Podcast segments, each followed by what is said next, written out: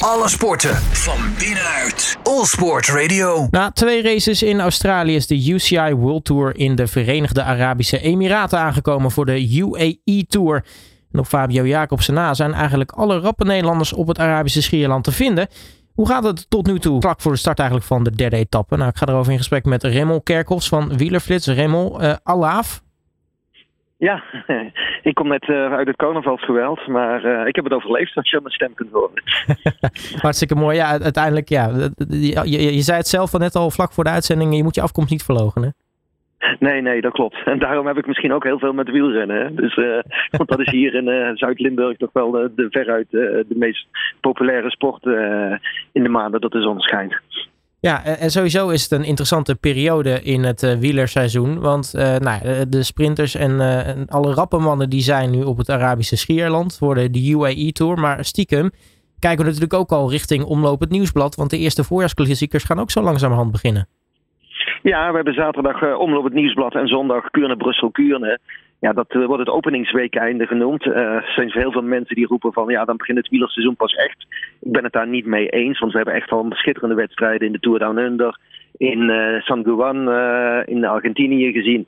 En ook het niveau in de UAE Tour, ja, dat mag je echt niet onderschatten.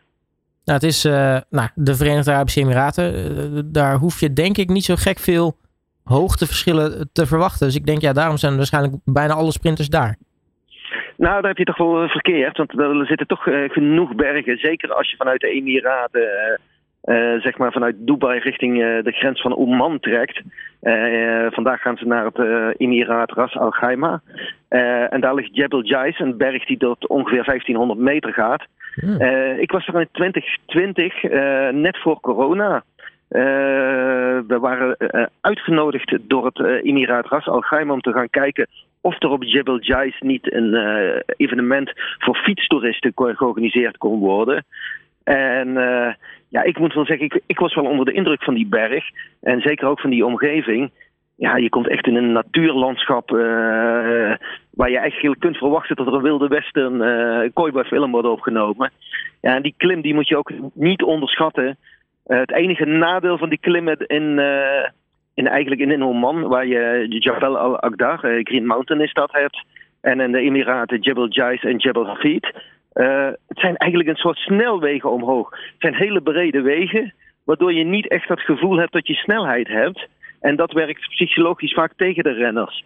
En als je juist een smalle weg hebt, dan, dan zie, heb je het gevoel dat je sneller overal passeert. En met klimmen ligt die snelheid toch al een stuk lager.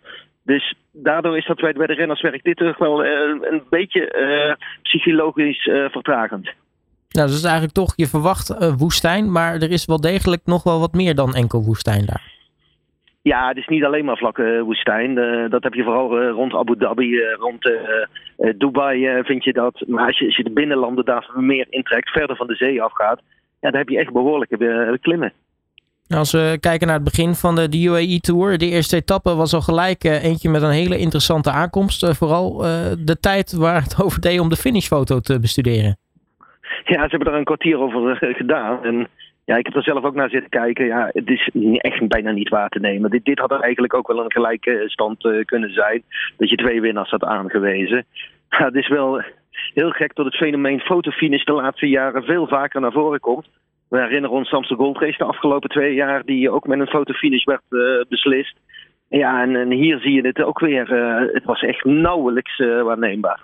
Uiteindelijk uh, kreeg uh, Tim Merlier hem op zijn naam. En dat is natuurlijk voor uh, de Belg toch een, een, lekker begin ook van zo'n koers. Sowieso voor een seizoen. Want als sprinter wil je natuurlijk ja, ook gewoon rond deze tijd in vorm zijn.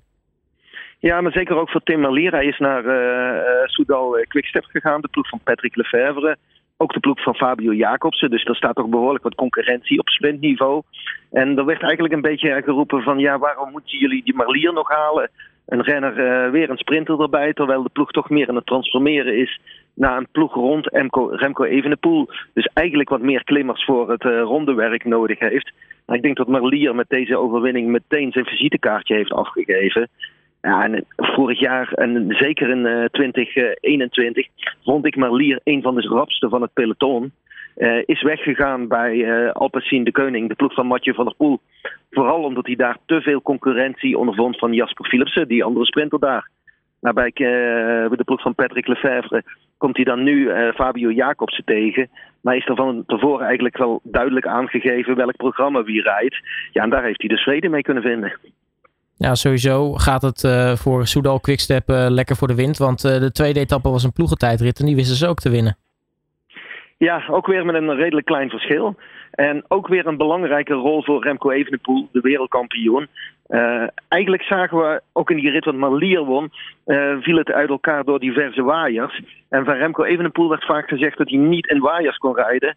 Dat was dan ook eigenlijk het eerste wat hij na de afloop van de finish zei van dit is wel een beetje het bewijs dat ik dat wel kan. Ja, eigenlijk zie je dit soort rondes zijn toch goed voor het zelfvertrouwen ook van uh, zo'n renner. Vorig jaar heeft hij de Vuelta Spanje gewonnen. Uh, maar juist met zo'n rit in de waaiers, waar hij zelf van voren was, zelf het verschil maakte. Ja, dan vind je straks ook toch weer meer zelfvertrouwen. Uh, meer body krijg je daardoor. Wanneer in een Giro die hij dit jaar rijdt, of later in zijn carrière in een Tour de France zo'n waaierrit komt, ja, dan heb je daar toch zelfvertrouwen uit dit soort uh, etappes uitgehaald. Nu is uh, de UAE-tour vanzelfsprekend in de Verenigde Arabische Emiraten. Nu hebben we ook uh, UAE Team Emirates rondrijden. en wat dan opvalt is dat ze in de ronde van Andalusië echt nou, fantastisch aan het huishouden waren. En, en, nu eigenlijk nou ja, in eigen huis, om het zo te zeggen, misschien een, een tikkeltje tegenvallen? Ja, dat mag je eigenlijk wel zo zeggen. Maar het verschil wordt eigenlijk gemaakt door één man en dat is uh, Tadej Pogacar. Hij won daar drie van de vier ritten in, uh, in uh, de Ruta del Sol in Andalusië. maar hij heeft zelf eigenlijk aangegeven van ja, ik wil niet verplicht weer die UAE-tour rijden. Ik heb die nu twee jaar achter elkaar gewonnen. ik, ik wil eigenlijk dat ik niet zo vroeg in het seizoen in vorm hoef te zijn en dat er zoveel druk op mij staat. Er uh, was nogal wat oneenigheid in de ploeg over of hij zijn programma kon aanpassen. Omdat de UAE Tour natuurlijk heel belangrijk uh, voor de sponsoren uh, zijn. En die ter plekke natuurlijk dan toch dat overheersende karakter willen tonen. ja, ondertussen rijdt hij de Route del Sol en degradeert hij de complete concurrentie. Ja, dan was het ook nog zijn ploegmaat Tim Wellens die een vierde red wist te winnen. Ja, en dan, is het, dan, dan is het snel het verschil gemaakt natuurlijk in zo'n in zo'n ronde. Um, als we even teruggaan naar de, de UAE Tour. Uh, vandaag de etappe naar uh, Jebel Jais. Uh, je zei al, een nou ja, toch niet te onderschatten aankomst daar zo. Wat, wat kunnen we ervan verwachten? Nou, er is diverse keren al is er een finish geweest. En als je dan gaat kijken naar de tijdsverschillen die op, de, op de finish waren ja, die waren eigenlijk drie, vier seconden, vijf seconden tussen de eerste tien. Uh, het is toch een, een, een, klim waar niet iedereen het uh, achterste van zijn tong laat zien. Uh, waar je niet de grote verschillen gaat maken. kijk, degene die de aanval moet ingaan, dat is Adam Yates uit die UAE-ploeg. Hij won in 2020 de, de UAE-ronde. Dat was net, dat was eigenlijk een ronde die op twee dagen voor het einde werd afgekapt omdat er coronabesmettingen waren in, het, uh, in, de, in de volkerskaravaan. Uh, eigenlijk het eerste sportevenement wat ook uh, echt stop, stil werd gelegd vanwege coronagevallen. ik was er toen zelf bij, heb toen ook vier dagen opgesloten gezeten in mijn hotelkamer. Ja, en eigenlijk in dat jaar was Adam Yates onverslaanbaar op die Jebel Hafid, de berg waar zondag, aanstaande zondag de UAE Tour eindigt. Maar ja, Adam Yates start als een van de favorieten. Maar hij staat nu wel al op 1 minuut 9 achterstand van uh, Luc Plep en van uh, Remco Evenepoel.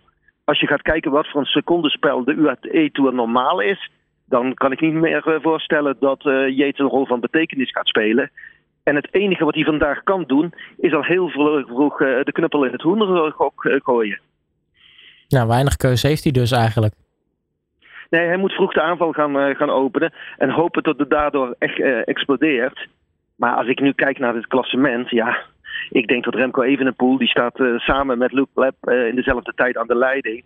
Ja, die gaat heel weinig gevaar hier meer lopen. Die eindzege in die UAE Tour lijkt mij al echt voor een groot deel op dat je kunt rekenen dat hij hem gaat pakken. Enige echte zware concurrent is Pelle Bilbao van de Bahrein Victorious formatie. Maar even de pool met de vorm die hij de afgelopen twee dagen heeft getoond, met name in de waaier, maar ook als de motor in de ploegentijdrit, ja, is hij voor mij absoluut de, de kloppen man. Even een pool dus uh, favoriet. Um, als we dan nog even kijken naar komend weekend uh, met de eerste voorjaarsklassiekers. Wat kunnen we daarvan verwachten eigenlijk? Ja, kijk, wij, wij Nederlanders kijken vooral altijd uit naar de duels tussen Mathieu van der Poel en Wout van Aert. Nou, die twee zijn er niet. Nou, ook Tadej Pogacar is er niet, maar die heeft omloop nog nooit gereden. Dus wat dat betreft is dat niet echt het uh, grote gemis. Maar voor de rest is het echt een ongekend sterk deelnemersveld. Waarin ook weer diverse blokken met elkaar de strijd aangaan. Kijk je naar Jumbo Visma, dan uh, uh, hebben zij op Wout van Aert na al een klassieke specialisten. Dus Dylan van Balen, Christophe Laporte, uh, Tige Benoot. Ja, dat is echt een sterk blok en zal meteen de, de kloppenblok zijn.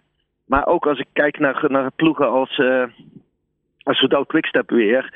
Uh, en ook Ineos Grenadiers met Tom Pitcock als hun aangewezen kopman. Ja, het zijn echt allemaal sterke blokken, waardoor we echt een mooie strijd kunnen verwachten. Ja, en de eerste keer dat ze weer door Vlaanderen gaan en over die Kasseienheuvels gaan, ja, ik kijk er al echt naar uit. Ja, ik ook. Maar goed, dat, vaak is het toch, hè, de Nederlanders kijken toch het meeste naar die voorjaarsklassiekers, stiekem. Nou, een Tour de France is toch nog wel het evenement wat in Nederland altijd het meeste leeft. Maar ja, ik moet wel zeggen, de heilige weken zoals ze dat in België noemen. En dat is met name richting hun hoogmis, de Ronde van Vlaanderen. En een week later is Parijs-Roubaix, die internationaal gezien een nog grotere wedstrijd is. Ja, dat zijn toch wel uh, echt de hoogtepunten van het voorjaar. En wij Nederlanders uh, knopen daar dan nog de Amsterdam Gold Race aan vast. Die eigenlijk de laatste jaren qua aanzien ook alleen maar uh, groter is geworden. Kortom, we kunnen een hoop mooi wielrennen verwachten de komende weken en dagen. Raymond Kerkels van Wielerflits, mag ik je weer hartelijk danken voor je tijd. En ja, carnavals nog even. Nee, dat is voorbij. Oh, dat is voorbij. Dus, we zijn er nu het vizier weer helemaal op het wielrennen gericht. Dan zou ik zeggen, werk ze. Oké, okay, bedankt hè. Alle sporten van binnenuit. All Sport Radio.